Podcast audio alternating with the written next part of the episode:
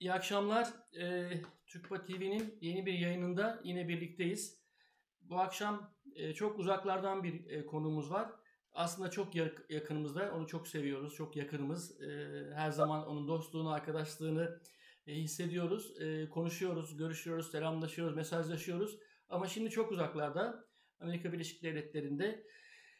Evde kaldığımız, e, kitlendiğimiz e, şu zor günlerde e, bize bir soluk olsun diye e, başlattığımız, bir nefes almak için başlattığımız Türkba TV yayınlarının e, bu akşamki konuğu sevgili Cem Batu, e, reklam dünyasının e, ben onu tanımlayacak söz bulamıyorum yani gerçekten reklam dünyasının çok e, ilginç, e, önemli isimlerinden bir tanesi. E, Türkiye'de reklam sektörünün e, içinde yer alıp da bu kadar kısa sürede bu kadar güzel işler başaran e, ve bunu e, biraz sonra kendi anlatır. Ben çok e, detaya girmek istemiyorum. E, kendisine soracağım.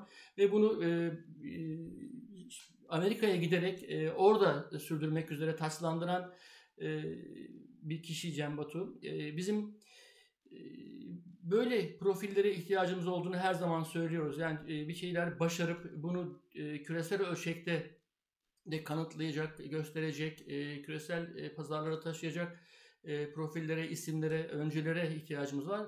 Bana göre Cem e, böyle bir isim. E, ben onu çok uzun yıllar öncesinden tanımıyorum ama e, e, anlamlı bir tanışıklığımız var. E, üniversite çağlarından, e, benim üniversiteden e, sınıf arkadaşım demeyi çok isterdim ama Ama siz öyle bir hocaydınız. O yüzden problem yok bence. Eksik, eksik olma Cem. Ee, bir üniversite e, birlikteliğimiz oldu. Yani benim e, öğrencim oldu Cem. Bunu da gururla söylüyorum. Gururla ben de. Çok hızlı bir şekilde e, reklam sektöründe e, sivrildi, ön plana çıktı. Çok güzel işler yaptı. Çok güzel projeler imzaladı. E, şirketi çok iyi yerlere geldi ve sonra e, e, bu e, macerayı Amerika'da sürdürmeye karar verdi. Çok detaylı e, bilmiyorum e, süreçleri. E, neden böyle bir karar verdi, neden Amerika'ya gitti. Bunu çok da e, zamanımız el vermeyecek belki çok detaylı konuşmaya ama daha çok ben bu akşam Cem'in reklamcı kimliği, reklamcı profili üzerinden pazarlamaya, e, reklama dünyasına, dijital reklama, e, sosyal medyaya nasıl bakıyor? E, yeni gelişmeleri nasıl yorumluyor? E, bundan sonra işi bu işi yapmak isteyen reklamcılara ne gibi önerileri olacak? Ne gibi e, e, yönlendirmeler olacak. Onları e, anlamak, dinlemek istiyorum. E, sevgili Cem hoş geldin. E, ama bu arada unutmadan bir şey söylemek istiyorum. Bugün bayram, bayramın birinci günü ben onu hiç e, böyle şeyleri e, çok yayın başlayınca sanki çok böyle televizyonda yayın yapıyormuşçasına bir heyecan duyup e, unutuyorum. E, herkesin, bizi izleyen herkesin, izlemeyenlerin de tabii ki bayramını kutluyorum. E, inşallah e, sağlıkla, sıhhatle, birbirimizi kucaklaş, kucaklayabildiğimiz e, güzel bayramlarda görüşmeyi ümit ediyorum. Herkese iyi bayramlar diliyorum. Ve e, bir açılış yapması için e, Cem'e sözü vermek istiyorum. Cem hoş geldin e, e, yayınımıza. E, e, bu akşam seninle bir şeyler konuşacağız ama önce sen e, geçmişten bugüne e, benim anlattığım e, e, daha doğrusu ana hatlarını e, çizdiğim e, hikayeyi Biraz bize doldurur musun? Yani Cem Batu e, nasıl başladı, reklam dünyasına nasıl girdi? E, bu hızlı yükseliş ve ondan sonra Amerika'ya gidişle ilgili ana noktalar neler? Bize biraz bahseder misin? Tamam. Ee, öncelikle teşekkürler hocam bu yayın için. Herkese iyi bayramlar. Sizin de ellerinizden öpüyoruz. Sizin dediğiniz gibi e, yani sizinle tanıştığımız çok eskiye dayanıyor ve ye, yani yeriniz sadece bende değil hani eşim de aynı yüksek lisans programında beraber olduğumuz için aile hayatımızda yeriniz çok ayrı. Ee, dolayısıyla hani e, çok teşekkürler. Sizinle her zaman her ortamda her şekilde görüşmek bizim için bir gurur kaynağıdır. Onu söyleyeyim. Ee, e, yani genel kariyere bakarsak hocam biraz şey yani bu son dönemlerde zaten iyice ortaya çıkmaya başladı. Bu eğitim sistemi vesaire. Yani aslında benim reklamcı olma hikayem biraz daha çocukluktan başlıyor. Ya ben gerçekten okuma yazmayı reklamla, reklam seyrederek çözdüm. Yani televizyon karşısında reklam seyretmek benim şeyimmiş yani hobim yani. E, okuma yazmayı çözmüşüm oradan. E, aile yapısında şey var. E, siz de hatırlarsınız belki. Yani ailem devamlı böyle her hafta sonu böyle naylon poşette veya kasetlerle eve gelip hafta sonu kapanmacalı işte 10 film, 15 film seyretmeceli hafta sonları yaşardık biz yani. Ee, bunların hepsi aslında içten içe o çocukluktan kalma bir yer edinmiş zaten. Sonra bilgisayar mühendisliği okudum. Ne alaka? Yani işte öyle biraz toplum baskısı diyelim yani. Mühendis olmak gerekiyordu o zamanlar falan. Ee, o bilgisayar mühendisliğinin bana katkısı oldu tabii. Yani mühendis kafalı reklamcı o dönemlerde çok fazla yoktu ve dijital ajanslar daha yeni yeni Türkiye'de oluşmaya başlıyordu. O benim için büyük fırsat oldu.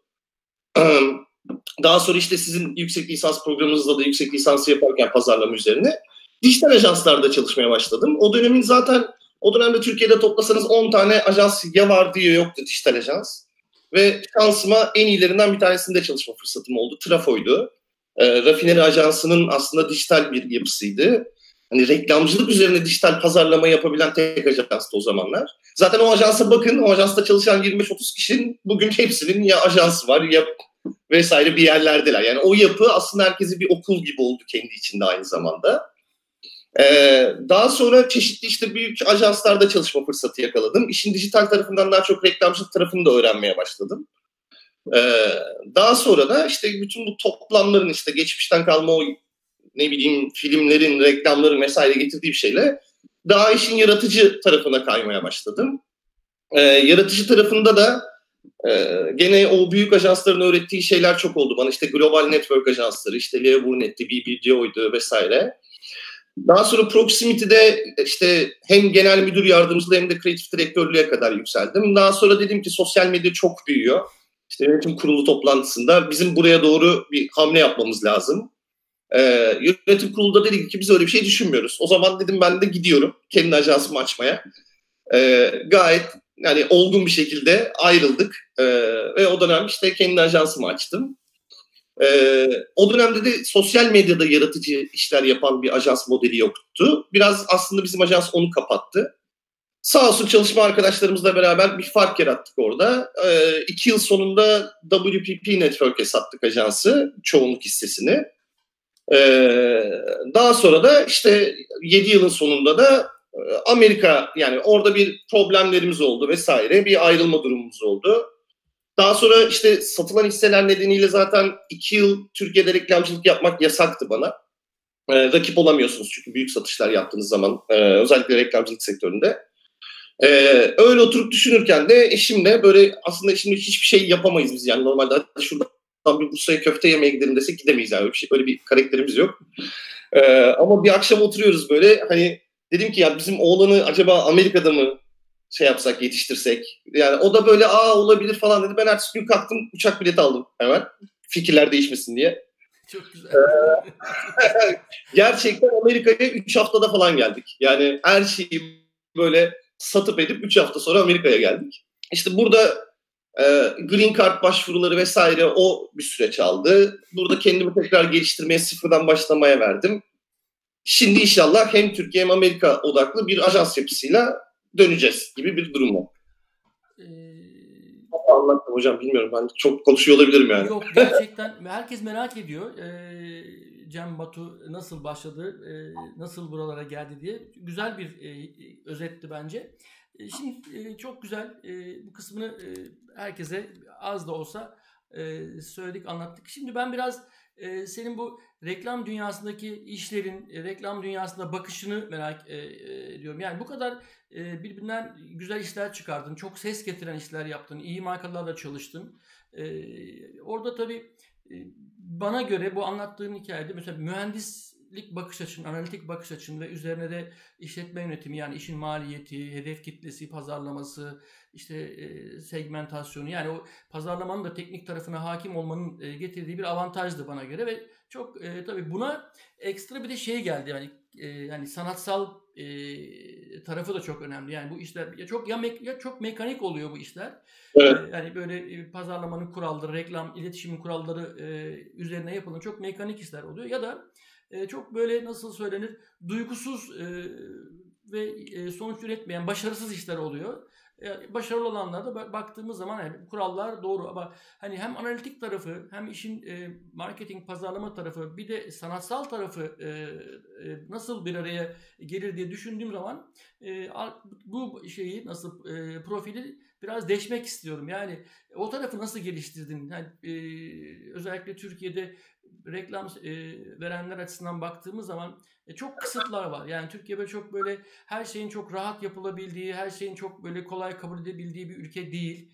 E, Türkiye'deki şirketler açısından e, bunu ayrıca tartışmak da isterim. Yani e, mesela çok böyle dünya markaları yok Türkiye'de. Çok böyle dünyanın en önde gelen Türk markaları işte çok başarılı e, işte nasıl söylesem büyük pazarlarda büyük başarılar yapmış markalar yok ama e, hikayelerini dinlediğim zaman reklamcıların e, çok büyük kaprisler, çok büyük böyle işte kısıtlar, çok büyük e, yönlendirmeler, engeller filan e, izliyorum ben pazarda. Çok böyle üstü kapalı konuşuyorum. Çok açık, keşke açık konuşabilsem. çok böyle e, kimseyi kırmak, incitmek istemiyorum ama bunu görüyorum yani pazarda. E, yani o kadar çok büyük işler yapmıyorsun da net bu kadar kaprisi nereden buluyorsun demek e, geliyor içimden. Yani öyle dünya markası değilsin e, işte dünyada böyle alıp satan bir adam değilsin. İşte böyle lokal bir markasın. Bir şeyler yapmaya çalışıyordu ama e, reklamcı arkadaşlarla her konuştuğumda bunları hatta bunlar dergilerde filan karikatürleri filan çiziliyor ya da bunların böyle hikayeleri yazılıyor. Onları çok okuyorum mesela. İşte reklam veren de mesela şeyler yapılıyor çok. Revize etme üzerinden e, hikayeler mesela. Reklam çok büyük e, çabalarla bir şeyler üretiyor. E, bir, bir sürü insan bir araya geliyor. Bir sürü beyin bir araya geliyor.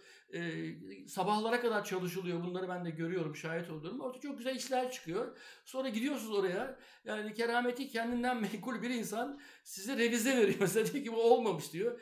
Ve e, götürüyorsunuz tekrar revizenin revizesi, revizenin revizenin revizesi oluyor. Bizim tez yazarken, kitap yazarken işte hani e, tez 1, tez 2, tez 1, 1, 1 filan böyle bitene kadar o 15-20 haneli e, bir sayılara ulaşan bir dosyalarımız oluyor. Sizin de öyle revize dosyalarınız oluyor. Sonra işler çıkıyor ortaya. Ne reklamcının yaptığı iş oluyor bu. Ne de şirketin e, derdini anlatan bir iş oluyor. Yani e, bütün bu hengamenin içerisinden güzel işleri tabii senin şahsında Türkiye'deki bütün iyi reklam, e, reklamcılar için de geçerli bir sözüm. Çünkü sektörde çok tanıdığım yetenekli, başarılı arkadaşlarım var. Yani onların adına da cevap ver. Yani e, Türkiye'de bu işler neden bu kadar zor oluyor? Türkiye'de ya biraz tabii e, nasıl söylesem e, mekanizmanın iç yüzünü de e, üç aşağı beş yukarı ta, e, tahmin edebiliyorum ama senin ağzından duymak çünkü sen o badireleri çok atlattın, çok yaşadın o badireleri. E, nasıl reklamcının Türkiye'deki e, hayatı nasıl e, gelişiyor, nasıl güzel işler çıkıyor, o yaratıcı işleri nasıl çıkarttın onları duymak istiyorum biraz. Tamam hocam. Şimdi çok geniş bir soru oldu. Biraz karışık anlatıyor olabilirim. Olsun. Sohbet ediyoruz. Ya dediğinizde şöyle bir şey var. Ben bunu Amerika'ya geldiğimde daha fazla hissetmeye başladım. Bence bizim Türkiye'deki en büyük problemimiz sistem insanları olmayışımız. Yani e, biz günü kurtarmaya çalışıyoruz. Markalar da öyle. Bu arada reklamcılar da öyle maalesef. Yani reklamcılar da o kadar yoğun çalışıyor ki dediğiniz gibi. Yani biz 7-24 çalışmaktan, brieflere cevap vermekten ve hani böyle az paraya bütün müşteriler bütçemiz yok deyip bunu yaptığı için yani en büyük müşteri bile bunu böyle yapar. Yani bütçemiz yok aman bize işte e, etkisi büyük ama prodüksiyonu küçük fikirle gelinle başladığı için hikaye. E, e ne oluyor? Reklamcılık sektörü büyüyemiyor. Büyümedikçe aynı insan kaynağıyla daha fazla marka hizmet vermeye çalışıyorsunuz. Reklamcılık sistemi de kendi içinde fail etmeye başlıyor dolayısıyla. Yani bütün reklamcılara sorun şu anda en büyük problemi insan kaynağı yetiştirememek. Ne öyle bir zamanı oluyor ne öyle bir investment yapabilecek gücü oluyor vesaire. Şimdi bunun müşteri tarafında da Şimdi Amerika'da mesela bütün markalar lokalinden başlayarak, en küçüğünden başlayarak önce sisteme invest ediyorlar. Yani bu inbound marketing dediğimiz ya da ne bileyim web sitesi doğru çalışsın önce bir. O customer journey'i tam bir anlasınlar. Customer journey'deki problemleri bir çıkarsınlar. Nerede fail ediyor? Ee, yani şimdi böyle şeyler üzerinden build ediyorsunuz ve e, Amerika'daki reklam, ben biraz Amerika ile kıyaslayarak anlatıyorum da farkı da ortaya çıksın diye. Ee, ve Amerika çok büyük bir ülke. Lokal pazarlama çok önemli burada. Mesela Türkiye'de lokal pazarlama diye de bir şey yok. Yani şöyle bir hayal var orada. Kanal D'ye bilmem neye basarım reklamı. Türkiye'nin yüzde sekseni beni bilir zaten. Tam bildi de sonrası ne oldu yani gibi bir problem var. Ee, ya da nereye gitti o müşteri yani. Tamam evlerimizi sağladık. Tamam next step ne oluyor? Hani ne yapıyoruz? O kısımlar genelde boş Türkiye'de. Türkiye'de bir de şöyle bir şey var. Hocam ya bu benim şahsi görüşüm. Türkiye ne kadar kurumsal yapılardan da söyledi, konuşuyor olsak da hala patronlar şirketlerinden oluşuyor. Yani orada CEO dediğiniz patron yani ve alt tarafa yeterli inisiyatifi ve şeyi vermiyor. Dolayısıyla aslında tek bir mantıkla ilerliyor. Ben şöyle şöyle ajanslar, medya ajansları var mesela. Belirli patronların evinden iş yerine kadar billboardları satın alıp yapılan işi en çok oralara koyuyorlar ki her yerde biz varız hissiyatı verilsin. böyle böyle gerçekler var. Patronun işe gelirken geçtiği yollarda özellikle. Aynen, aynen, aynen. Böyle çalışma prensipleri var ve hani aslında baktığınızda bir patron yapısı gibi bir şey var. Ve o yüzden şöyle bir şey oluyor. Daha alt pazarlama kadroları kendilerinin başarılı gösterecek işlere daha çok yöneliyorlar. O yüzden bir dönem mesela sadece şöyle bir brief vardı. Viral istiyoruz. Yani viral öyle bir şey ki viral yani bir şey yaparsanız o viral olur ama herkes işte kağıt üstünde kendini başarılı gösterebilmek için böyle brief veriyordu. Viral istiyoruz. Çok güzel. ee, şimdi dolayısıyla en büyük fark hani mühendislikte dediğiniz hani şey yaptınız. Bence önce pazarlamanın o hani en basit hani 4C'leri falan konuştuğumuz yani en basit olayından başlayıp buradaki gibi sistemleri kurduktan sonra sistem tıkır tıkır işledikten sonra reklam size gerçekten hizmet etmeye başlıyor. Öbür türlü piklerle arada hatırlanan uzayan, hatırlanan unutulan, hatırlanan unutulan. Bakıyorsunuz sonra markalar da işi çözmüşler. Mesela işte Mayıs ayında araştırma yapılıp CEO'ya rapor sunulacak değil mi? Hemen bir araştırma yapılıyor öncesinde. E, markanın bilinirliği üç buçuk işte hatırlanalı yedi. Hemen bir reklam çıkalım şeye. Komik bir reklam olsun. Gülsünler ki bizi hatırlasınlar. Tık iki ay sonra hatırlanma test şeyleri veriyorlar iki aylık sonuçları şeye üst yönetime. Ah ne güzel ne güzel herkes bizi biliyor diyorlar. Halbuki üç ay sonra kimse kimseyi hatırlamıyor yani. Yani sistem biraz o yüzden orada fail ediyor gibi. Ee, bir de benim e, tespitlerimden bir tanesi e, ya bu tabii çok yaygın bir tespit. Yani pazarlama e, ile ilgili e, bunu biz çok e, akademisyenler çok bundan yakınırız böyle. Yani pazarlama e, tabii ki pazarlamanın bütün fonksiyonları da yatırım isteyen. Aslında hani e, şirketin bütün fonksiyonları masraf yaratır. E, satış gelir yaratır. E, çünkü herkes satış odaklı. E, herkes sa- satışçılara yükleniyor. Aman satış noktalarından gelen raporlara bakalım. Satılıyor mu, satılmıyor mu? Satışları nasıl arttırabiliriz? Reklam yapalım, satışları artsın. Yani bu pazarlama fikrini ne kadar konuşursak konuşalım bir türlü kabul ettirmek şansımız olmuyor. Çünkü uzun vadeli bir şey. Yani finans öyle değil ama mesela finans çok acı sonuçları olan bir şey. Finans evet. hatalı bir finansal karar aldığınız zaman hemen bilançoya yansıyor veya hatta nakit akışlarına yansıyor ama pazarlama ile ilgili kararlar e, olsa da olur, olmasa da olur e, diye düşünülüyor. Tersine mühendislik e, Türkiye'de daha çok. Herkes birbirine bakarak bir şeyler yapıyor. Öyle inovatif bir e, bakış açısı yok. Yeni ürün geliştirme vesaire yok. Şimdi ben hayretle izliyorum mesela bu e, pandemi çıktı ortaya. Bütün şirketler e, pandemi sürecinde satılabilecek ürünlerle ilgili e, çalışmalar yapıyor. Yani bütün e, emek buraya harcanıyor. Ama şunu da bangır bangır bağırarak söylüyoruz ki bu pandemi öyle ya da böyle bitecek. E bitecek de o zaman niye bu dönemde satılacak ürünlere biz odaklanıyoruz?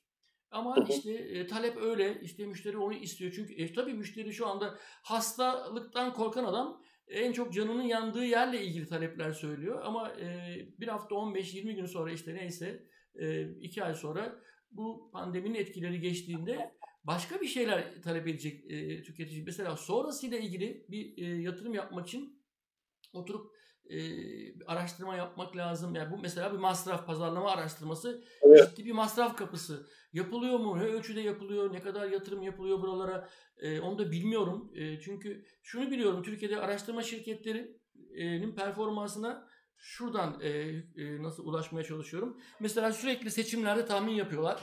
Onlarca araştırma şirketi bir tanesi biliyor, diğerleri bilemiyor mesela. Ve sonra şöyle diyor, biz ikinciyi bildik. Öbür bir tanesi diyor ki biz üçüncüyü bildik.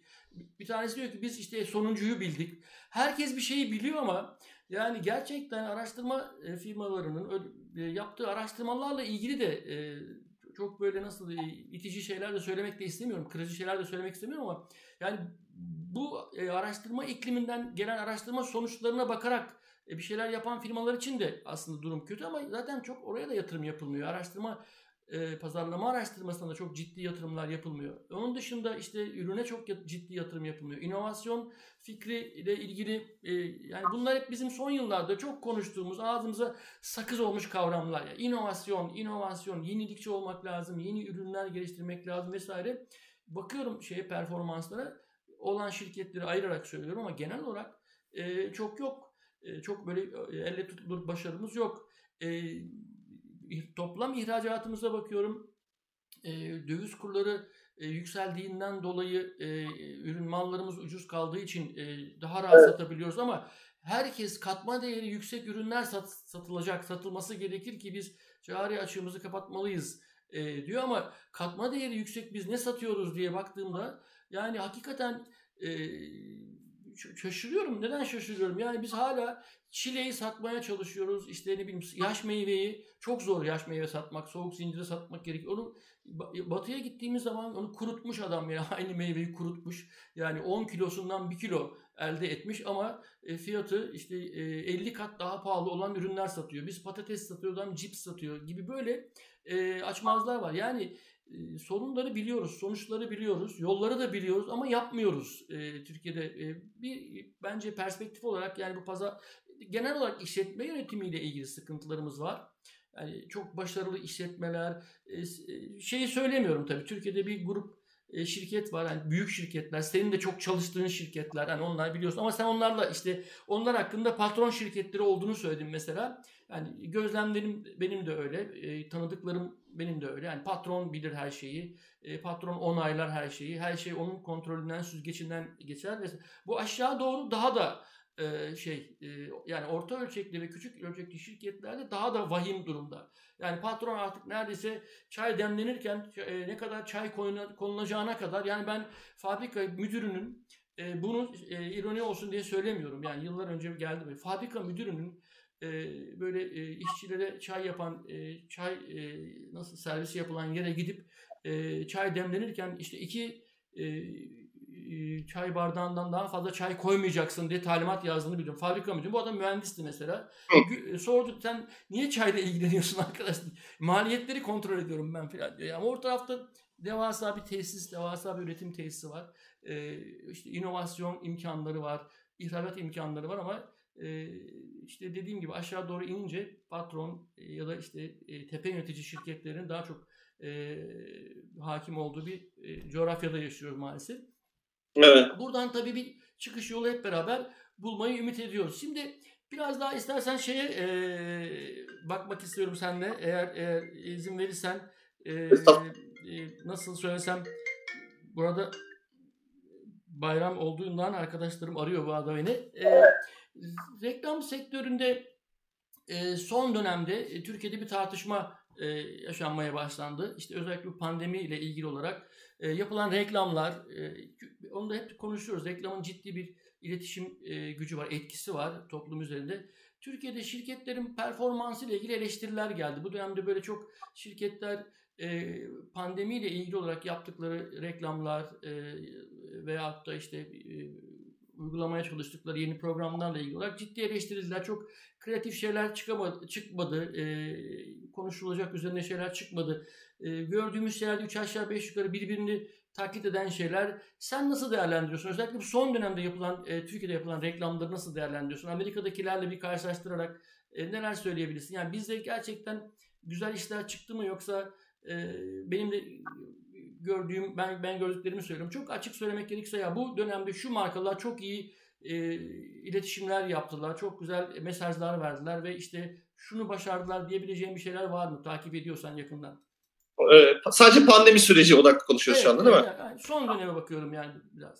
Şimdi burada reklamcılara çok yüklenmemek lazım hocam. Çünkü reklamcıların yapabileceği bir şey yok. Onlar da evde işte prodüksiyon yapamıyorsunuz, çekim yapamıyorsunuz. Ya şu an reklamcılık sektörü Türkiye'de stok videolardan reklam yapabilmeyi öğrendi. Bu arada bu başımıza büyük bela alacak. Şöyle Abi bu devam eder yani. Bütçemiz yok. Stoklarla çözeriz değil mi reklamı? İşi devam edecek. Ee, ve olarak kalacak. Aynen. Mesela orada şey eksikliğimizi de görüyor bütün reklamcılar şu anda. Türkiye odaklı stok video ve görsel çok olmadığı için sıkışıp kalıyoruz. Yani e, orada mesela işte zenci olmasın, işte çok sarışın olmasın, çok bilmem ne olmasına girdiğiniz zaman Eyvah. Hani yani o, eleniyor zaten. Ya da ne bileyim eski görüntülerden bir şey kullanmak istiyorsunuz yapamıyorsunuz. Mesela eğer iyi bir yatırımcı varsa hemen Türkiye'de bence bu işe girsin çatıra falan satar sonra. ee, yani e, reklamcıların da çok yapabileceği bir şey yok bu konuda. Dolayısıyla stop görüntülerden bir şey yapıyorsunuz. O zaman ne diyebilirsiniz? Evde kal hep beraber çok mutlu olacağız. Bugün nerede gelip geçecek? Yani bunları ekleyebilirsiniz onun üzerine. Yani e, çekim yapamadığınız için e, hani belki bir iki tane espritüel sahne eklersiniz farklılaşmak için vesaire. Şimdi geneli bu ama bence bu dönem en büyük problemi şu. Bu dönemde zaten pa- yani pazarlama ve re- reklamcılığı tüketiciye fayda odaklı sağlayıp bu, bu dönemde unutulmayan marka olmaya oynamak lazım. Verdiğin hizmetlerle ve o hizmetin kendisi reklama dönüşmesi lazım. Benim gördüğüm bunu en iyi yapanlardan bir tanesi Yemek Sepeti. İşte ne bileyim Getir. İşte ne bileyim yani bir iki tane daha marka vardır belki şimdi aklıma gelmeyen. Kusura bakmasınlar ama ne yaptılar? Tüketiciye ben nasıl fayda sağlarım üzerine odaklandılar ve dikkat edin.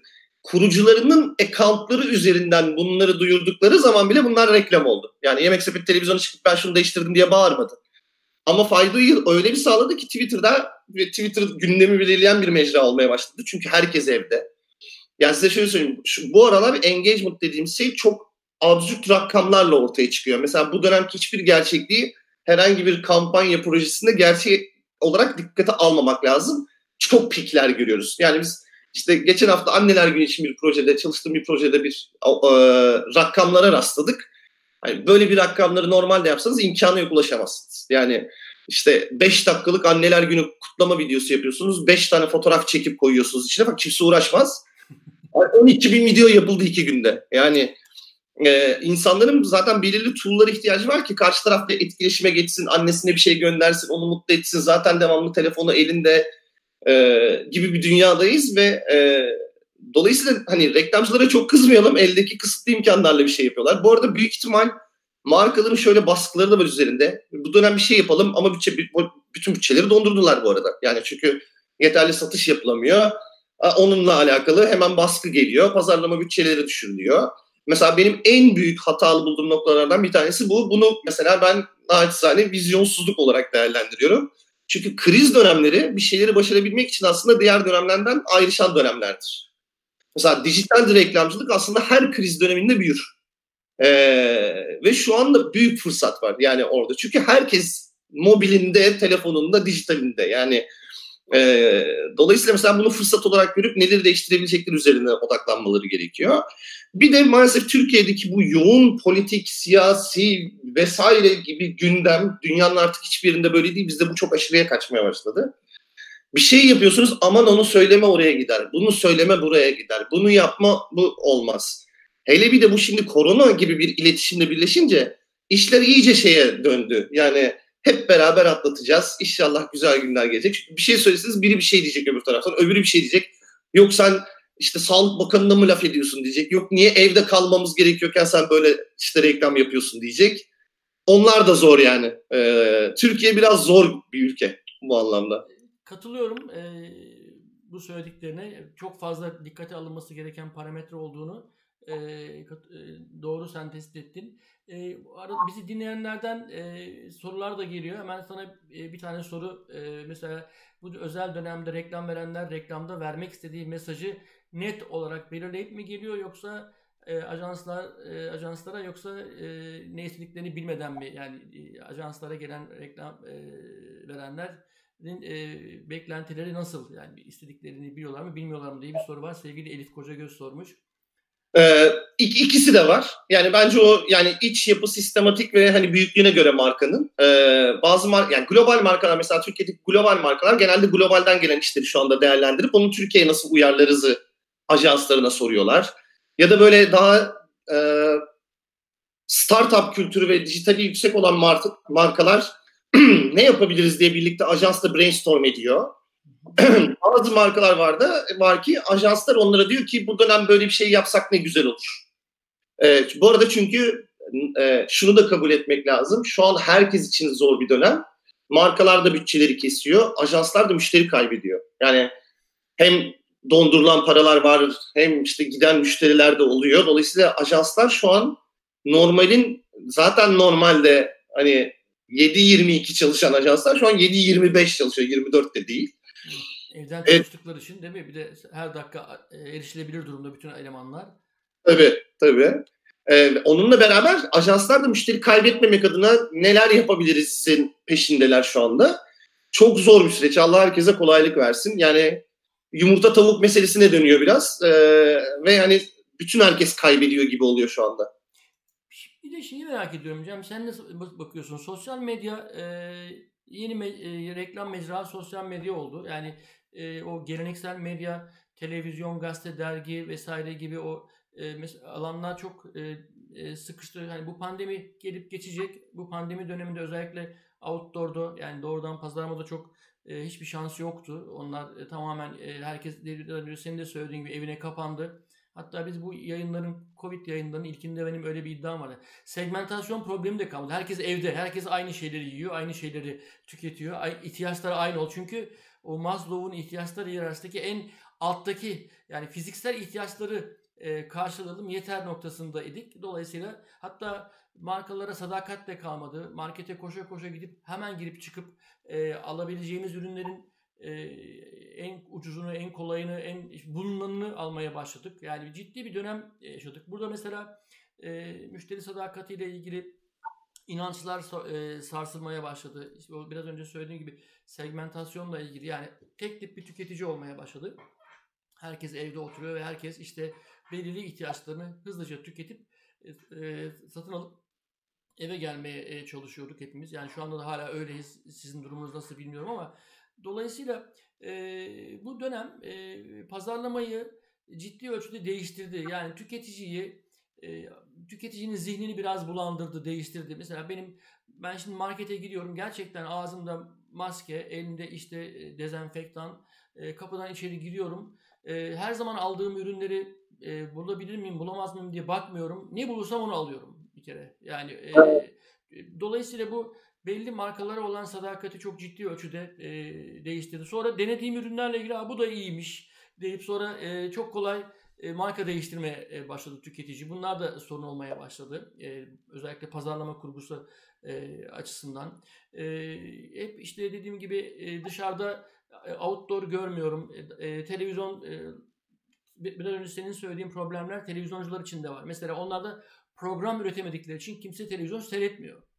Yani bir tek Türkiye'de Gülse Birsel denedi. E, herkes evde e, iken, herkesin evde olduğu, yani oyuncuların evde olduğu e, zaman diliminde e, mobil telefonlarla bir dizi çekti. Bir ya da iki, iki dizi yaptı öyle. Ama o da sürdürülebilir bir şey değildi. E, o da o şeyi bitirdi. Jet Sosyete'yi bitirdi.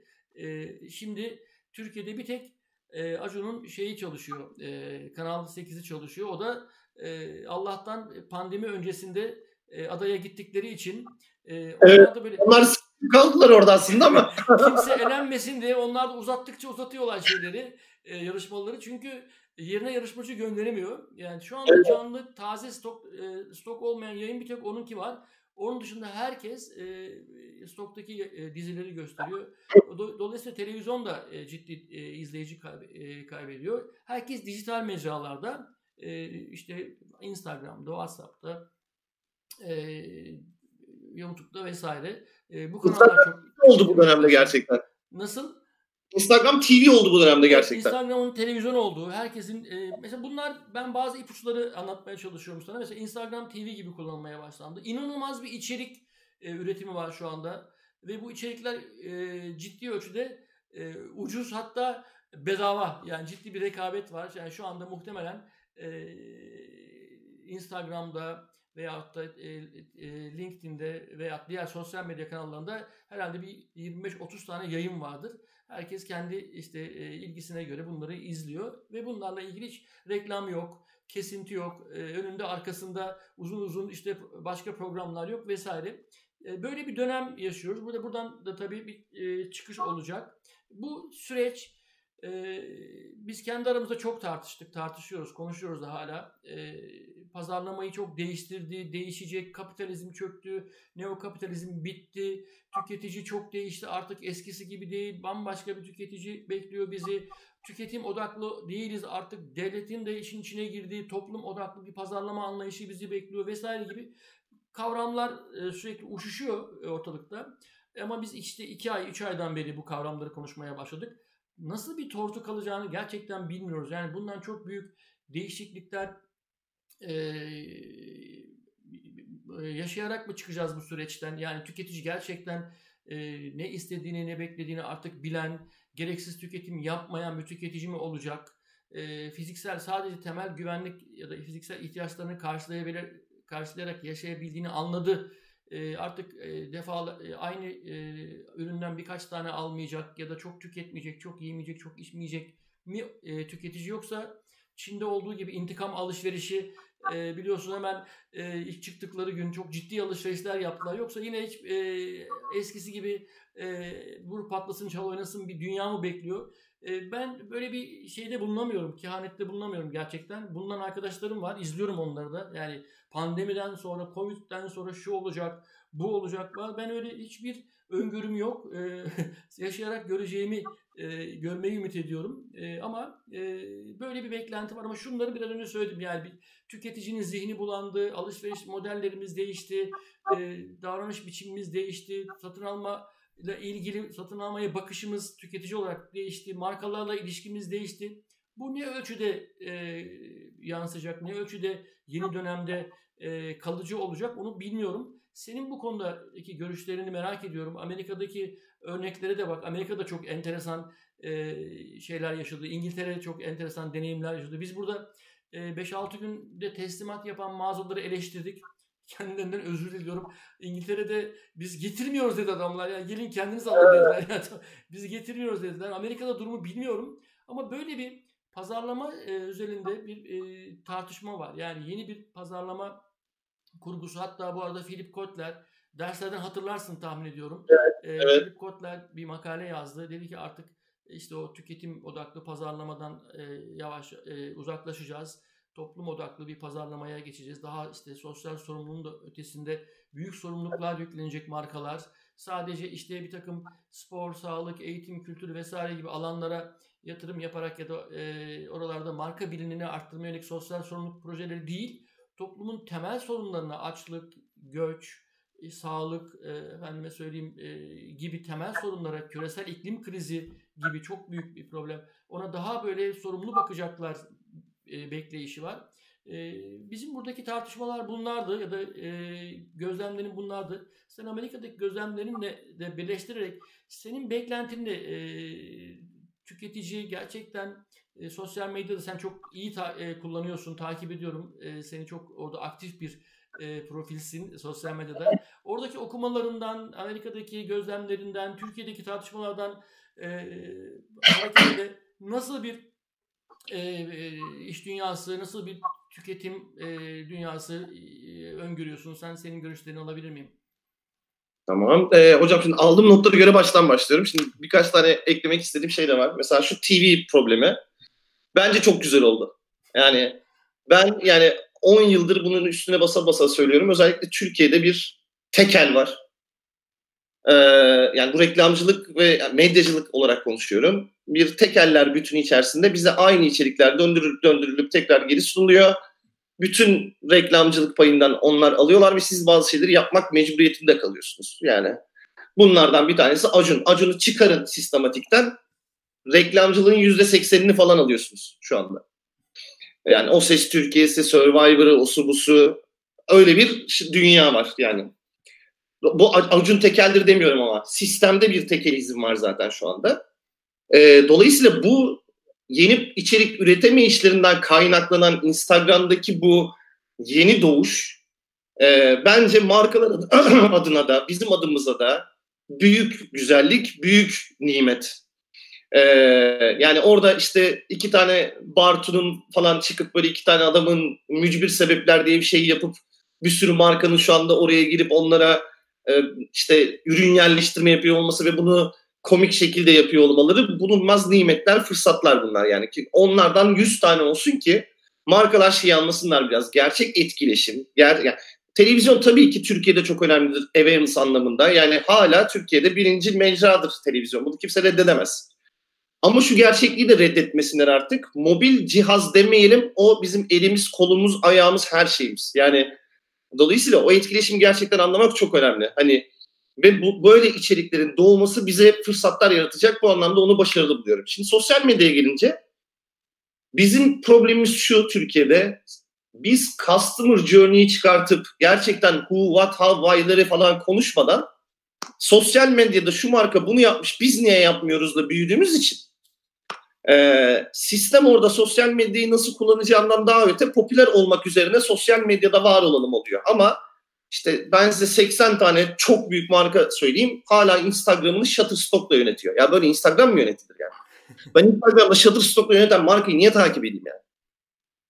Ee, dolayısıyla e, inşallah bu da bir bu süreçte böyle bir e, markalara falan bir learning süreci olur ama ben olacağını da düşünmüyorum. Yani ben biraz data ile iş yapmaya alışık birisiyim. Ben insanlık tarihine bakarım. Gelecek için bir şey söyleyemem. Tarihten gene aldığım data üzerinden muhtemelen böyle olabilir derim. Mesela benim söylediğiniz şeye şöyle bağlayayım. Ben 10 yıl önce diyordum ki e, büyük bir markaya bir sunumda şey yaptım ben. İşte user generated content ile alakalı işte bilmem ya ben açtım böyle şeyi insanların ürettiği içerikleri. Ya dedim senin bu insanlardan daha yaratıcı olmanın mümkünatı yok. Hani dünyadaki bütün ajansları bir araya toplayalım. Bütün stok görüntü adamların yaratıcılığına bak yani. Şimdi adam orada bir şey yapıyor ve sen bunu yenemezsin. Bu adamın hayatına girmen onun senin için bunları yapıyor olmasına senin oynuyor olman lazım. Yoksa sen hani Instagram post attın 100 like alsan ne olur 200 like alsan ne olur yani. Dolayısıyla o oralardan ben biraz işe negatif bakıyorum açık söyleyeyim. Hani evet belki bir de insanlık tarihi kendini safe e, korunaklı hissettiği yere geri dönme eğilimini her zaman gösteren bir yapıya sahip tarih boyunca. Elimizde bu data var yani. Biraz allak bullak bir dönem yaşarız belki. Ben mesela çok üzülürüm. Gerçekten o tüketim toplumundan çıkmamız lazım artık. Artık herkes evde yemek yapmayı öğrendi. Evde ekmek yapıyorlar. Şimdi ben mesela gülerim yani gidip Nusret'e bir ete 1500 lira veren adama yani gülerim yani. Şimdi aynısını sen evde yani yüz yapabildiğini anladın yani. Hani ne, ne gerek var ona yani? Hani tabii ki arada insan çıkmalı etmeli. İnsanız yani. Para da kazanıyorum şuraya da harcayayım demeli. Yani bu, bu da olmalı. Ama o zihniyette devamlı artık Instagram'da yok Nusret'teyim yok Etiler'de bardayım yok burada bilmem ne diyeyim devam ederse e demek ki ders almamışız demektir hatalarımızdan ve bir yere de varamayız. Ee, şimdi Amerika konusuna gelince Amerika çok acayip bir yer hocam. Yani ben şey diyorum yani büyük Türkiye yani ama büyük Türkiye yani hani e, ve e, şey e, maalesef işte başta da birisi var o da biraz böyle deli. E, haklı olduğu yerler var. Ekonomi problem çok büyük bir ülkede. Yani o, öyle bir ekonomiye döndürebilmek için işte tekrar hayata geçmek, açmak vesaire gerekebilir ama buradaki insanlar daha garip. Öyle söyleyeyim size. Yani bilmiyorum takip etme şansınız oldu mesela. Açılsın diye taramalı tüfeklerle sağa sola gidenler falan oldu. Yani burası psikopat bir yer. Yani biz hani gerçekten filmlerde olan şey var ya hani böyle bir anda bir insanlık bir şey olsa mesela ya bu pandemi biraz böyle sert geçseydi gerçekten hani ölümler anlamında demiyorum kimse yanlış anlamasın. Böyle hani o tuvalet kağıdı bulamamalar, et bulamamalar böyle iki hafta sürseydi Texas'ta ben eminim yani birbirini öldüren insanlar olacağına yüzde yüz eminim yani. O filmler yalan değil yani. Çok güzel. Dizi film dizi filmler çekilecekti gerçek filmler.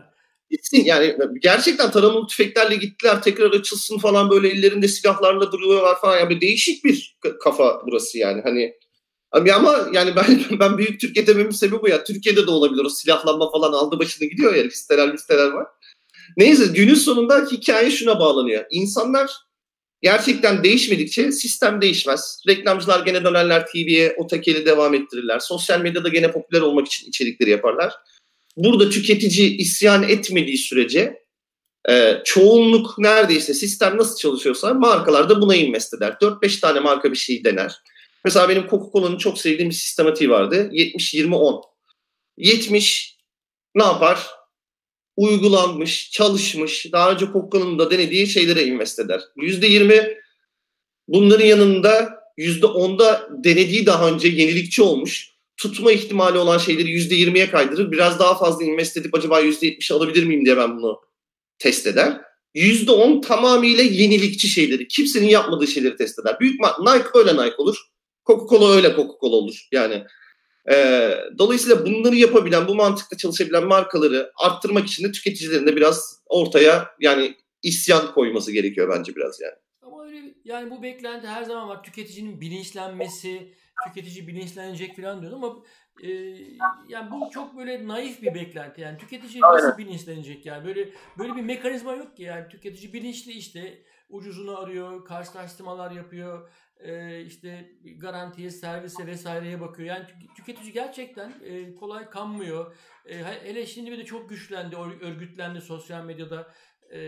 İstediklerine hemen duyurabiliyor. Bir haksızlığa, bir problemle karşı karşıya kaldığında hemen bunu her yere duyurabiliyor. Her e, bunu ben de yapıyorum. Hepimiz yapıyoruz bunu işte.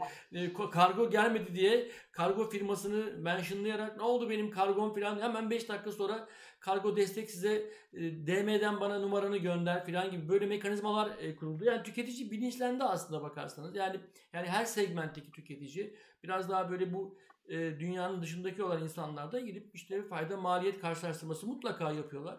Dolayısıyla yani tüketicinin karşı çıkması, karşı gelmesi, bilinçlenmesi bir hakikaten bir süreç. Nasıl olacak, nasıl gelişecek bununla ilgili bir formül yok şu anda. E, buradan şuna geçmek istiyorum. E, sosyal medyayı sence Türkiye'de kim iyi kullanıyor? Ee, en başarılı e, birkaç marka söyleyebilir misin? Ben çok bakıyorum sosyal medya e, kanallarını kullanan e, firmalara, izliyorum. Bazen birini, bazen bir başkasını e, benim ama böyle hepsinin çok hepsinin çok iyi kullanan e, çok başarılı birkaç örnek merak ediyorum. Senin de böyle reklamcı gözüyle e, kimleri söyleyebilirsin bize?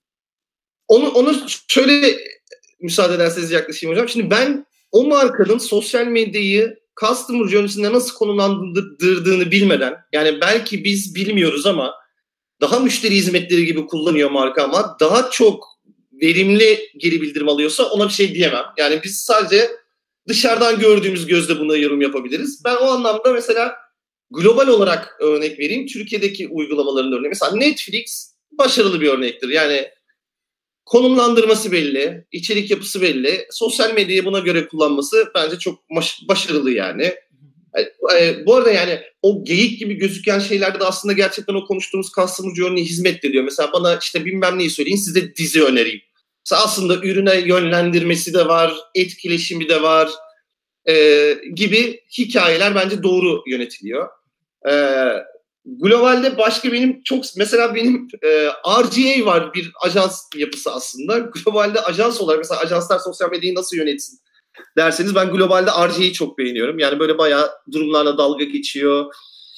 E, ajansçılıkla oynuyor ama rezil olur muyum diye düşünmüyor vesaire. Bir de bence buradaki asıl problem markaların şey açık olması gerekiyor biraz. Markalar işte çok düz, düz bakıyorlar olaylara. İşte çok aman oraya bulaşmayayım, buraya bulaşmayayım, o da olması vesaire diyorlar ama günün sonunda tüketici onlar adına zaten onu yapıyor. Dolayısıyla o muhabbette onları lehine çevirebilecek ne olabileceklerini düşünmesi lazım. Mesela daha bugün bir örnek gördüm. Onu konuşayım. Üç büyük operatör anladığım kadarıyla bayramda Türkiye'de bir yoğunluk olmuş. Ee, operatörlerin birbirleri arasındaki şeyi iletişiminde problem var. E şimdi bakıyorsunuz üçü de birbirine taş atmış sosyal medyada. E şimdi herkes bunu paylaşıyor. Şimdi bunu pazarlama öncesi bunun böyle olacağını farkında değil mi? Yani, bu, bu böyle olacak. Dolayısıyla buna başka türlü yaklaşmanın yolu da sosyal medya değil mi aslında? Mesela bunu niye değerlendirmedik? Bence burada kaçan büyük bir fırsat var. Kesinlikle katılıyorum sana. Yani böyle çok örnek var Türkiye'de. Yani bu tip krizsel yorumlarda dürüstlük yok. Yani mesela ben e, büyük GSM operatörlerinden müşterim de vardı. Onlara genel mesela İngiltere O2'dan bazı örnekler sunardım mesela. İngiltere'deki O2'ya küfrettiğiniz zaman e, size verdiği cevaplar ya da işte mesela İngiltere'de bir ara e, şey kesiliyor, e, hatlar kesiliyor.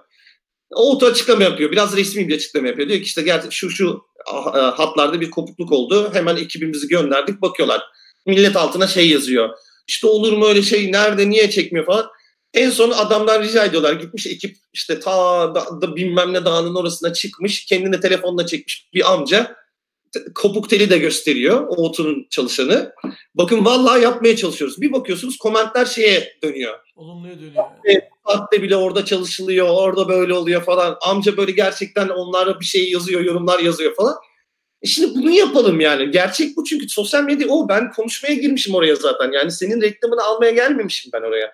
Ben işte gene bir konuşmada şey yaptım. Kaçınız dedim her gün dedim beymen, beymenle sohbet etmeye sosyal medyaya giriyorsunuz. El kaldırır mısınız dedim. Kimse kaldıramadı yani.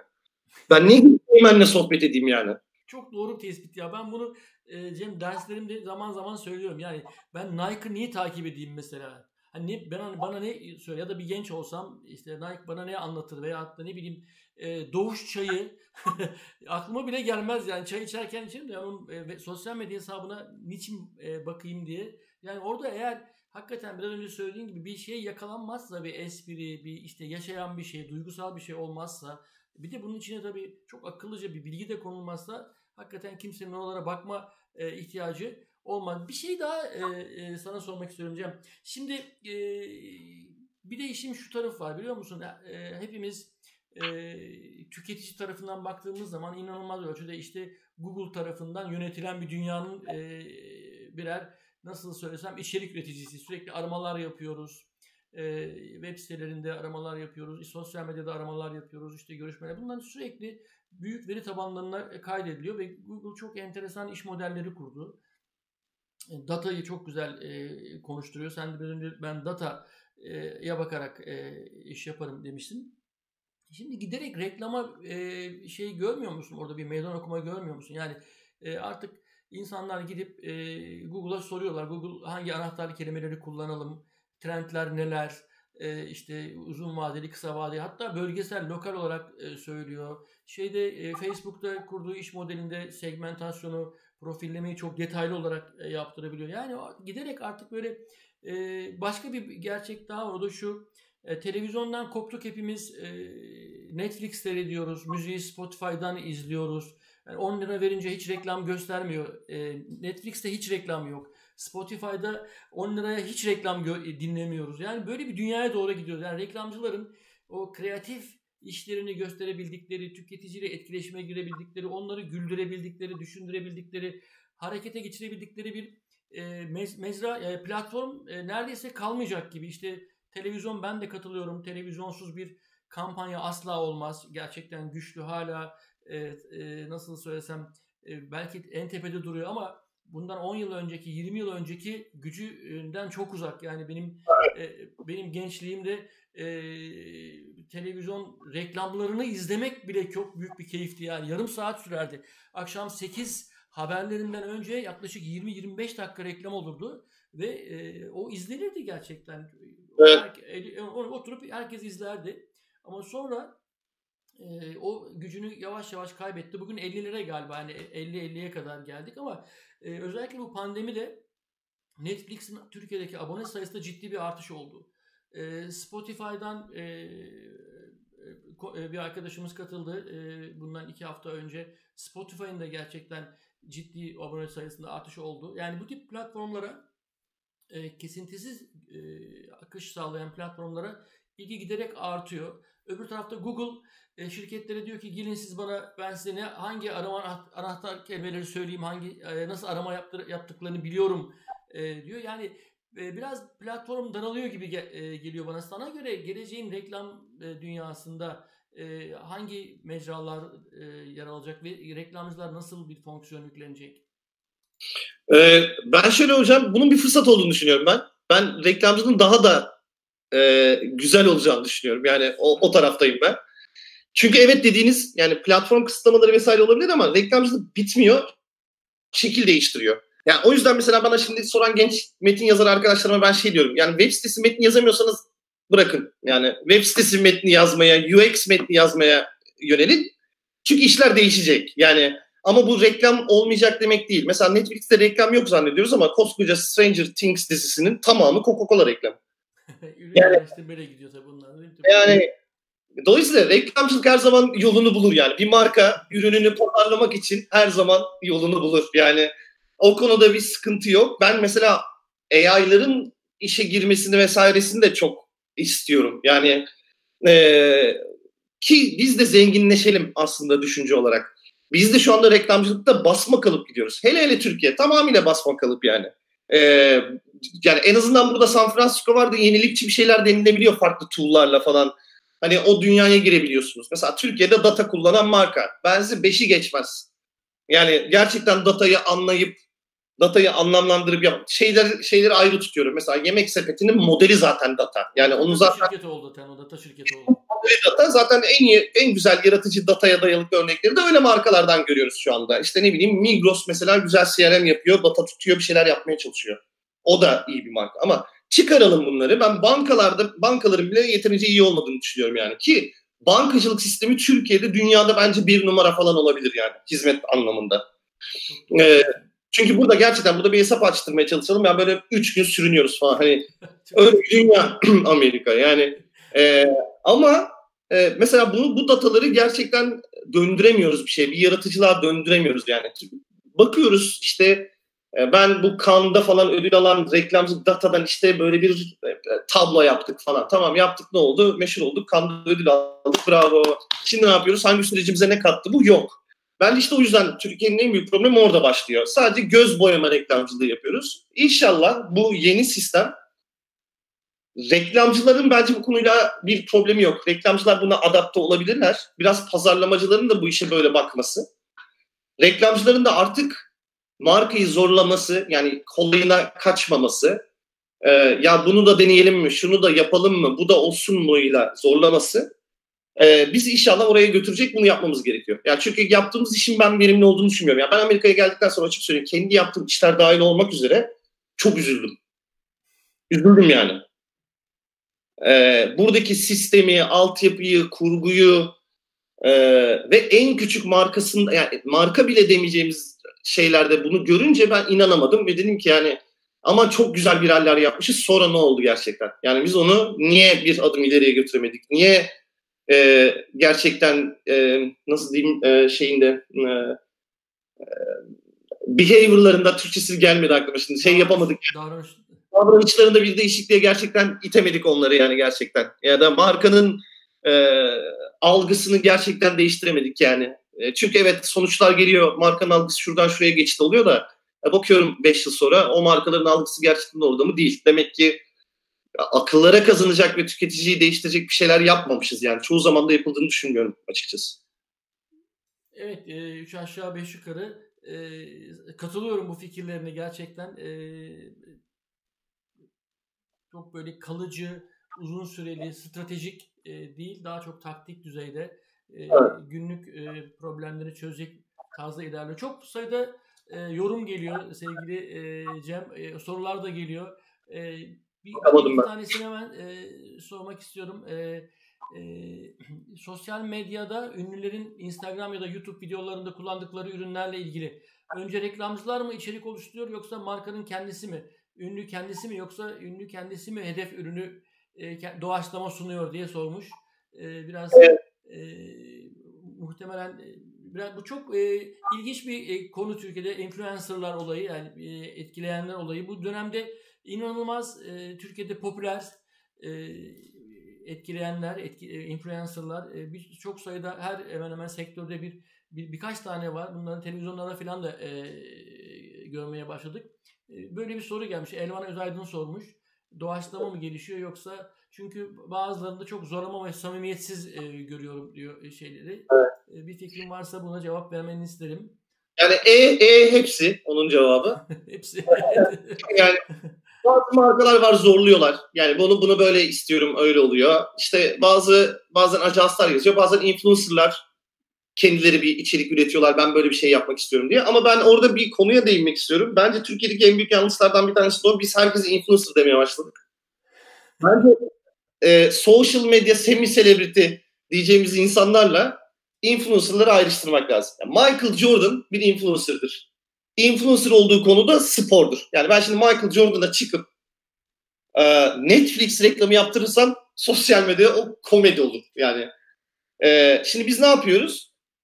Semi selebriti olmuş sosyal medyadaki insanlara influencer muamelesi yaparak reklamcılık yaptırmaya çalıştığımız için ne yaparsak yapalım sakil duruyor. Yani yani Nike'ın bu arada Michael Jordan'la bu kadar büyümesinin sebebi influencer marketing. Influencer marketing bugün çıkmadı ki. Hani influencer marketing 20 yıl önce de vardı yani.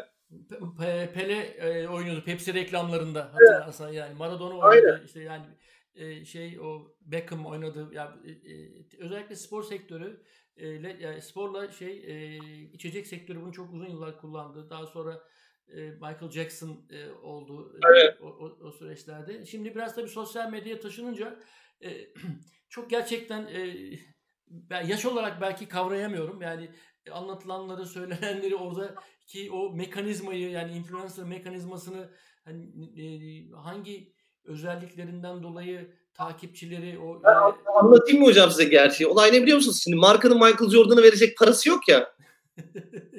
Twitter'ın diyor Michael Jordan'ını bul diyor. Ben diyor ona 2000 lira attırayım bu tweet'i diyor. Yani olay bunu, burada başlıyor yani. Ya ama şimdi o 2000 liraya tweet atan e, adamın etkisinin ondan bir etki beklemek de çok yani bir pazarlama vizyonu değil yani. Böyle bir nasıl söylesem bir vizyon değil o yani. E, oradan bir şey üretme. Şunu görüyorum ben.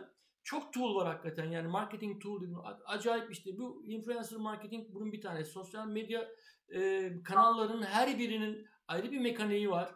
Bunların her birinde ayrı etkinlikler yapmak lazım. Televizyon duruyor orada, outdoor duruyor orada, eventler var hep biz biliyoruz işte satış noktası etkinlikleri var.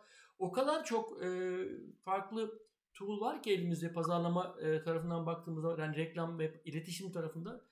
Ve bunların kullanılmasında e, biraz önce senin söylediğin gibi hep eklektik yani. Influencerlar çok meşhur. Hadi şimdi bir influencer çalışması yapalım. Sonra e, yaz gelince ben ona çok gülüyorum mesela otomotiv sektörüne e, ödül verilen bir şey var, organizasyon var. ODD'nin organizasyonu var. Otomotiv Distribütörleri Derneği'nin. Orada jüride yer alıyorum ben. Otomotiv işte adaylar geliyorlar, sunum yapıyorlar. Yazın e, fix meka- şeyler var. E, e, e, otomotiv markalarının. Çeşme, Bodrum ve Marmaris yani bu, e, bu üç tane mekanda otomobil e, reklamları yapılıyor. Başka hiçbir yerde sanki otomobil müşterisi e, yokmuş gibi. Yani o yazın o yapılır, kışın bu yapılır. Influencer e, yapmamız gerekiyorsa bir de influencer yapalım. Hadi bir de reklam çıkalım. İşte e, bilinirlik düştü bir toparlayalım. Yani biz e, pazarlama anlatırken entegre pazarlama iletişim diye bir kavramdan bahsediyoruz. Yani bütün bu tool'ları e, kaynakları doğru aktarmak, doğru bir şekilde dağıtmak, e, bunların ölçümlerini yapmak, hangilerinden netice alıyorsak oraya yüklenmek, almadıklarımızdan çekmek. Dijital daha da bu konuda e, imkanlar sağlıyor. Yani dijitalde ölçümleme çok kolay biliyorsun. Yani parayı yatırdığın yerden eğer geri dönüş olmuyorsa hemen ertesi gün reklamını çekebiliyorsun oradan yani. Anahtarlar, evet. anahtar kelimeni değiştiriyorsun, banner'ını kaldırıyorsun, ne bileyim mecradan kaçıyorsun, azaltıyorsun, çoğaltıyorsun vesaire.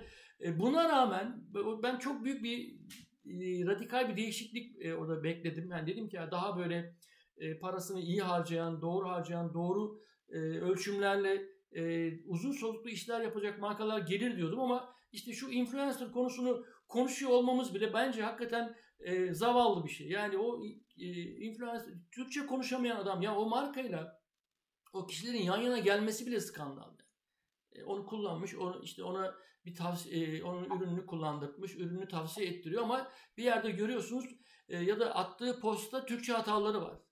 E, veyahut da herhangi bir yerde konuşurken e, doğru cümle kuramıyor mesela. O markaların böyle hatalar yapmaması gerektiğini düşünüyorum ama maalesef bunu, bunu görmüyoruz. Yani o entegre iletişim, pazarlama iletişimi e, bakış açısıyla e, bütün mecraları mix eden, e, doğru bir karışımla kullanan ve bunları ölçüp e, geliştiren bir pazarlama yaklaşımına ihtiyaç var. E, maalesef bunu e, görmüyoruz. Sen e, bilmiyorum katılır mısın bu görüşüme? Yüzde yüz, yüzde yüz yirmi katılıyorum hocam. Yani şöyle ee, ya o test olayı mesela çok önemli. Şu an ben anlamıyorum. Yani mesela biz bir YouTube'a işte gizli bir video yükleyip işte video işte reklam filmi diyelim. Bir dakikalık hani istiyorlar ya viral film diyelim. Onu ben aslında belirli bir test grubunda YouTube'un bana verdiği analitiklerden de kaç kişi ne zaman girdi, ne zaman çıktı, yüzde kaçını tamamladı testini yapıp sonra arka planda onu optimize edip Mese öyle çıkabilirim mesela. Bunu Türkiye'de yapan bir kişi bile yoktur bence şu anda. Yani işi YouTube olanları ayrı yere koyuyorum. Onlar kesin yapıyordur. Ee, ama dediğiniz gibi test, optimizasyon, hangi mecra, nasıl kullanmalı? Yani şöyle bir şey var. Ben çok komik bir şey söyleyeyim. Geçen gün arkadaşımla da işte Instagram'da canlı yap yayın yapıyordu. Onu konuşuyorduk reklamcıların gerçekten adapte olması belirli şeylere zaman alıyor. Yani mesela bir, yani mobil artık hani mobil yıl gelecek 30 yıldır mobil, gelmeyen mobil yıl var ya. Problem şu o geldi biz farkında değiliz yani. Onu hala gelmesini bekliyoruz. Vahiy gibi gelecek o bir şekilde diye düşünüyoruz yani. Şimdi mesela dikey video diye bir kavram var. Şimdi bir reklam filmini çekerken kadrajı hala dikeye geldiğinde ne olur diye düşünemiyorsak problem bizde. Bunun için startuplar çıktı mesela. yani reklamcıların yaptığı videoları alıp dikey video yapıyorlar. Yani sistemdeki aksaklığa bakın aslında yani. Reklamcının zaten bunu böyle yapıyor olması lazım. Yani. Ee, dolayısıyla e, bu adaptasyon sürecini hızlıca atlatmakta bizim görevimiz. Ben reklamcılığı biraz tembel buluyorum. Ee, biraz kolaycılığa kaç, kaçtıklarını düşünüyorum. Kızmasın bana arkadaşlarım ama e, biraz hani brief geldi aman çok güzel iş yapalım ödüllük olsun TV'de herkes konuşsunla bu işi biz ilerletemeyiz. Yani bu işin A'sını, B'sini, C'sini, D'sini konuşmamız lazım ki sektör büyüsün. Bu arada sektörü de büyütemiyoruz şu anda aslında. Esas problemlerden bir tanesi de o. Sektör büyümüyor. Hatta bir de kan kaybediyor. Gördüğüm kadarıyla kan kaybediyor. Peki orada hemen şöyle bir şey e, e, sormak istiyorum. Yani Türkiye'deki reklamcı profiliyle e, Amerika'daki reklamcı profili e, sen sistem dedin. Tamam sistem ama hani orada bir kreatif tarafı da var işin. Yani reklamcının bir yaratıcı tarafı var. Yani sistem ve olabildiğince hani sistemden böyle nasıl kaçan e, açıklar yakalayan işte e, yani işlerin üretilmesi açısından veyahut da reklam veren reklamcı e, tarafından baktığımız zaman e, sistem çok e, doğru tabii sistemin olması ya da bir sistemin içinde bu işlerin gerçekleşmesi beklenen bir şey ama hani reklamcı profili açısından böyle hani ah, biraz da böyle e, senin oradaki yerini merak ediyorum. Yani sen biraz böyle uçarı e, nasıl söylesem hani böyle sistem dışı e, bir profilin var böyle e, e, nasıl söylenir sıra dışı işlere imza atabiliyorsun. Mesela orası bunlara ne kadar ölçü, ne ölçüde izin veriyor da bu işler orada nasıl oluyor? Kişiye mi bağlı yoksa o da mı bir sistem içerisinde gerçekleşiyor? Şimdi buradaki farklı yerleri anlatayım hocam ben size. Şimdi buradaki dijital ajanslar core dijital. Şimdi onu söyleyeyim. En büyük daha ve çok büyük bir yapı olduğu için daha fazla lokal dijital ajans var ve böyle hani ciroları falan fena olmayan ama işte her işte Texas bölge Austin'de işte 100 tane dijital ajans da bulursunuz. Houston'da da bulursunuz ve bunlar core dijital yapar. Yani web sitesi yapar, SEO yapar, işte arka planda tool'ları entegre eder, HubSpot entegrasyonu yapar vesaire. Burada yaratıcı dediğiniz daha UX insanları da bulursunuz. Daha UX UI hani ki ben şu an en önemli yaratıcılığın ne olduğunu düşünüyorum. Onu da ayrı bir belirteyim yani. Ee, buradaki yani bir sürü, bir sürü genç de abi Amerika'ya nasıl geliriz ederiz vesaire dediğinde hemen UX UI'ye girdim. Yani tek söylediğim o Amerika'da çok hızlı iş bulabilirler yani bu konuyla ilgilenirlerse. Ee, ve oldukları yerden de bu arada remote olarak hizmet verebilirler. Yani o konuda eğer kendilerini geliştirip Burada bir sürü işte Fever, odur budur freelance işler yapılabilen yerler var. Türkiye fiyatı da buralara göre çok ucuz kalacağı için çok fazla iş alabilirler aslında ve orada da dolar kazanıyor olabilirler. Bunu anlatmaya çalışıyorum ama nefesim yettiği kadar. Çok güzel bir ee, mesaj oldu bu. evet, çok büyük fırsat var. Yani burada UX, UI anlamında çok çok ciddi bir fırsat var. Çünkü her şey burada devamlı üretime, yani teknolojik üretime dayalı olduğu için gerçekten o bitmez bir derya yani burası için. Ee, ne diyordum unuttum hocam. Ne anlatıyordum? Ha, e, dijital ajanslar. Dijital ajanslar öyle core ajan. Yani orada bir yetkinlik var. Yani Amerika'da şöyle bir şey var hocam. Buraya geldiğimde beni anlayamadılar. Ben burada çok büyük firmalarla iş görüşmesi de yaptım. Yani bunun içinde Facebook'u da var, bilmem nesi de var, o da var, bu da var. Her şeyi yapan adam kavramı yok bu adamlarda. Yani bu adamların şöyle bir title'ı var mesela. E-ticaret ana sayfa etkileşim uzmanı. çok çok. Yani o an ana sayfacı o yani. Hani o onu anlayabilir o. Mesela ben iş görüşmelerinde şöyle şeyler yaşadım. Sen kreatif misin? Evet bunların hepsini ben yaptım. Hayır sen ajansını satmışsın sen bir business adamısın. Hem business hem kreatif olamazsın. Ne strateji de mi sen düşündün? İmkanı yok. Çok güzel. İşte yani, uyumsuz bir şey yani. Senin oradaki yerini işte merak ediyorum o yüzden de. Bu bir lanet. Türk insanın üzerindeki bir lanet bu Amerika'da. Yani her şeyi yapabilen adam kavramı yok. Türkiye'de de maalesef uzmanlaşmak yok. Ben gençlere en büyük problem o onu söyleyeyim şimdiden. Yani gelecekteki düşüncelerine Amerika'ya koyuyorlarsa bir şeyde çok uzmanlaşmaları lazım ki buraya geldiklerinde çok fazla sürünmeden iş bulabilsinler. Evet öyle bir şey var. Ee, Türkiye'de hemen hemen bütün gençlerin hedef ülkesi Amerika. Ee, Amerika'ya e, gidip işte orada eskiden de var zaten bu şey e, kapağı Amerika'ya atmak ya da kapağı yurt dışına atmak fikri. E, şimdi özellikle bu e, Çin e, Çin'in son dönemlerdeki işte ticaret savaşlarındaki konumu e, ve işte pandemideki e, pozisyon nedeniyle Türkiye bir fırsat e, yakaladı üretimle ilgili olarak. E, yine bu döviz kurundaki değişmeler nedeniyle de e, Türkiye'de e, fiyatların ucuz olması nedeniyle uzaktan yapılabilecek işlerle ilgili olarak da yine Türkiye aynı şekilde bir e, fırsat yakalamış oldu. Yurt dışına kapağı atmak yerine yurt dışından iş bulmak, iş üretmek, iş yaratmak e, gibi fikirler e, e, ön planda. Biraz önce söylediklerine katılıyorum. Çünkü bu e, konuşmalarımız içinde iki tane alana işaret ettim. Bir tanesi dedin ki e, stoklardan bahsettin ilk başta. E, dedin ki e, ciddi bir stok eksikliği vardı. Yani bir yatırımcı varsa buraya e, yatırım yaparsa güzel bir pazar dedin hemen e, kafama yazdım. Bir de gençler için dedin ki Amerika'da buralara gelmenize gerek yok. E, oradan çok güzel işler alabilirsiniz. Dolar da kazanabilirsiniz dedin. Bu iki mesajı e, not ettim. Yine birkaç tane e, e, soru var. Bazı influencerlara reklam vermiştim. Çalıştığım markada sonuçlar anlık ürün bilinirliği arttırıyor şeklinde oldu. Yani hani biz böyle eleştiriyoruz ama e, reklam verenler de memnun hayatlarından. E, Berna, sevgili Berna o da e, Yok zaten yani söylediğimiz şeyler hepsi kötü diye anlatmıyoruz yani. Genelini konuşuyoruz. Evet. İyi yanı da vardır. Muhtemelen tabii ki ama e, mekanizmayı anlamak açısından eleştiriyoruz ama e, iyi yapanlar da var doğru.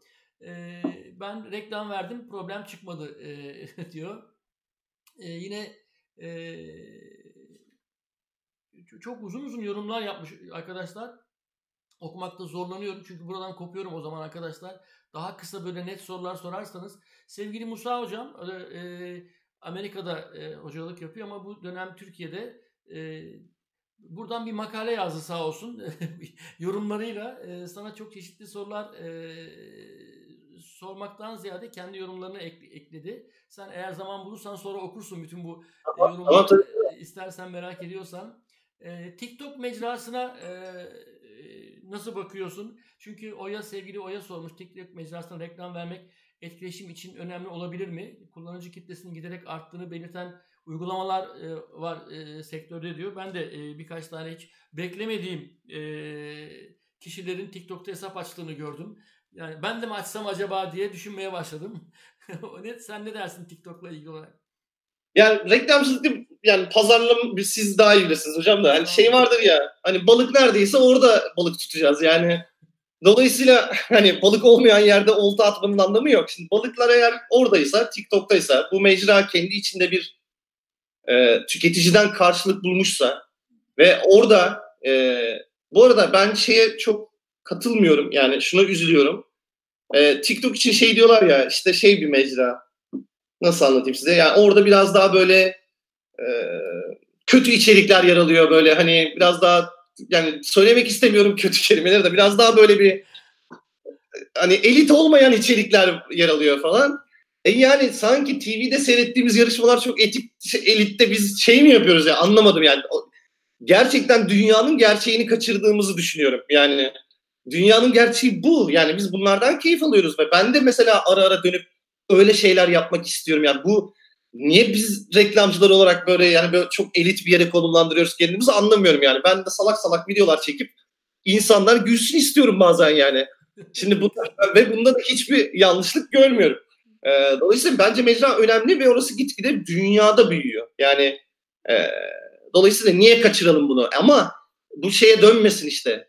Herkes TikTok'ta TikTok'a girelim. Yani Instagram'ı gördük işte Shutterstock'la Instagram account'u yönetmeye çalıştın olmadı. Şimdi TikTok'a göre de içerik üretemeyeceksen, orada etkileşim yapamayacaksan girme. Yani bazı şeyler var ki girmemek ya da susmak konuşmaktan daha iyidir. Girmemek girmekten daha iyidir eğer yapamayacaksan gerçekten hakkını veremeyeceksen. Doğru o mecradaki hakkını kötü kullanmaması lazım. Çünkü o mecra daha sonra başka bir zamanda gidildiğinde iş yapacak iken e, işte Shutterstock'la yaptığın içeriklerden dolayı damgalı, damgalanacaksın ve bir daha o şansını da kaybedeceksin. E, markalara TikTok açıyor muyuz diye sormuş Furkan Reis. Açıyoruz o zaman.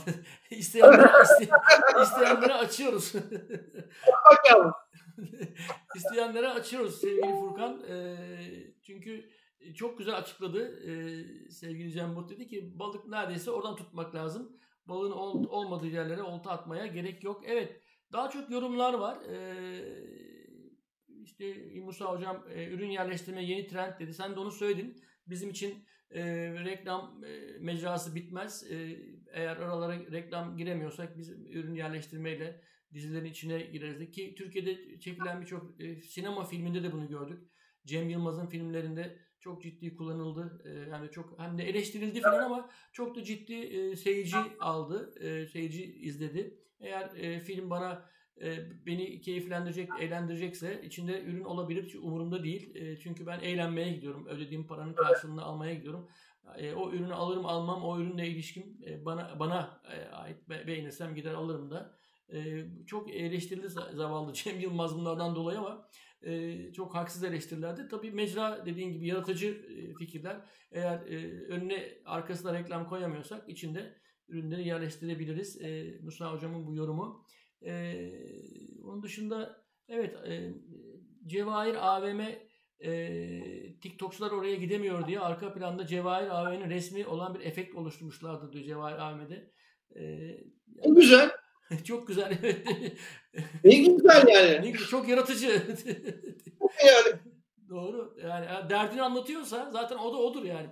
Biz reklamı bir böyle masaya oturup nasıl söylesem e, mahkeme kurup reklamları öyle e, yargılama şeyi eğilimi var. Yani iyi, kötü, hedefine ulaşıyor, ulaşmıyor falan diye ama aslında o reklam bir yatırım, bir iletişim evet. yatırımı, e, reklam veren tarafından bir iletişim yatırımı. Genel kurallara uyduğu sürece yani böyle rahatsızlık vermediği sürece toplumda e, ki onun da zaten çok regüle edilmiş bir alan. Her şeyi söyleyemiyorsun, her şeyi yazamıyorsun, ima edemiyorsun, evet. gösteremiyorsun. E, bunun içinde eğer bunlar yapılabiliyorsa ben de katılıyorum. E, çünkü sonuçta markanın derdini anlatması e, gerekiyor. Evet e, sevgili Can çok e, güzel sorular, güzel cevaplar oldu. E, senin eklemek istediğin bir şey var mı? So- söylemek istediğin bir şey var mı? E, sana e, son sözü sana bırakayım. E, e, anlatmak istediğin bir şey var mı?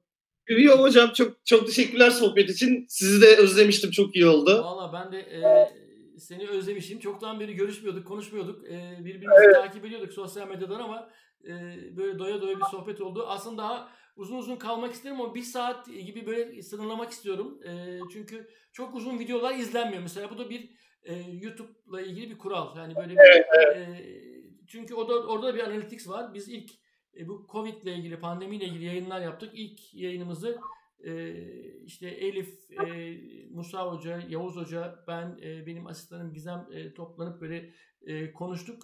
2 e, saat 40 dakika sürdü. Ama ben ortalama izlenmelere bakıyorum tabii. Çok e, uzun bir sohbet ettik aslında. Öyle şeyimiz de yok. Hani biz en olay, kolayı da bizimkisi böyle bir izlenme kaygısı, efendim abone toplayalım buradan para kazan öyle bir şey de olmadığı için son derece rahat e, uzun uzun sohbetler yapıyoruz ama analitiklere baktığım zaman e, YouTube'da da e, çok uzun videoların e, izlen, izlenme oranlarının düştüğünü e, görüyorum. O nedenle bir saat gibi bir e, zaman içerisinde sınırlandırmaya çalışıyorum. Şu anda zaten bir saati geçtik. Ee, Musa Hoca'nın bir sorusu var. Ee, Türkiye'de diyor taklitçilik çok yaygın. E, bu reklam sektöründe de e, olduğunu e, düşünüyorum. Ben de sanıyorum ona e, onu kastediyor hoca. E, bizde de böyle bir sorun var mı? Yani herkesin birbirinin işini taklit ediyor olması reklam sektöründe. E, bu genel dünyada var bence. Yani sadece Türkiye özel bir şey değil. Yani dünya, biz Türkiye'nin içinde olduğumuz için gözümüze daha fazla çarpıyor ama bütün dünyada var olan bir şey. Bir de benim hocalı yani şöyle bir şey var. E, Türkiye dediğim gibi en başta zor bir ülke olduğu için belirli şeyleri belirli sistematikleri sıkıştırmış durumdayız yani. Mesela benim Haluk Sicimoğlu hocam büyük stratejist bana göre Türkiye stratejiyi getiren insanlardan bir tanesi. Bir lafı var reklamcılıkla ilgili.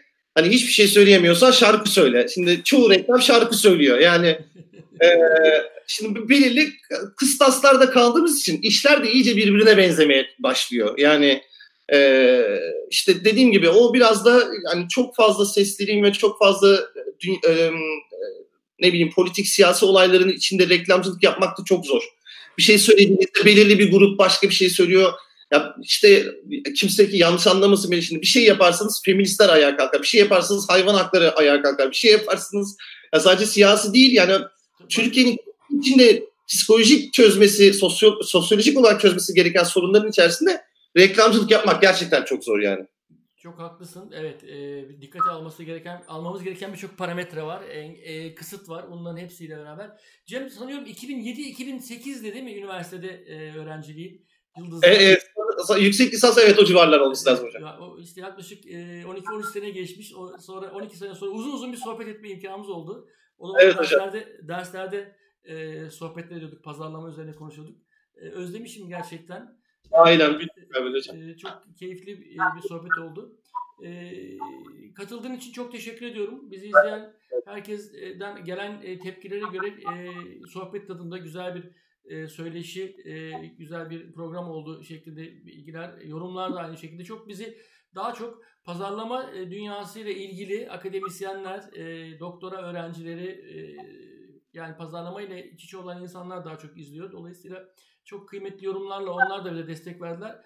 Ben katıldığın için çok teşekkür ediyorum. Ee, bu güzel bayram gününde bayramı bizimle paylaştın. Ee, sana e, uzaktan konuk olduk. Sen de bize konuk oldun. Bir bayram ziyareti yapmış olduk.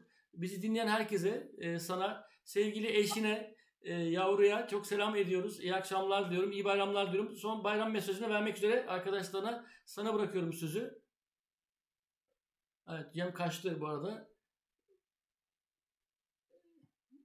Evet Cem'i, evet, e, peki çok teşekkürler, iyi akşamlar. Cem geldin mi sana? E... Hocam burada fırtına çıktı, elektrikler kesildi. Evet, sağlık olsun diyorum, o da bir sürpriz. Ama tam sonuna rast geldi. Bir veda mesajıyla e, kapatalım istiyorum. E, herkese çok teşekkürler, çok sağ olun hocam. Kusura bakmayın son dakika böyle bir şey oldu ama şu an inanılmaz yağmur fırtına başladı, elektrikler gitti yani. Görüşmek üzere, çok selam, görüşmek üzere, hoşça kal. Görüşmek üzere, bye bye.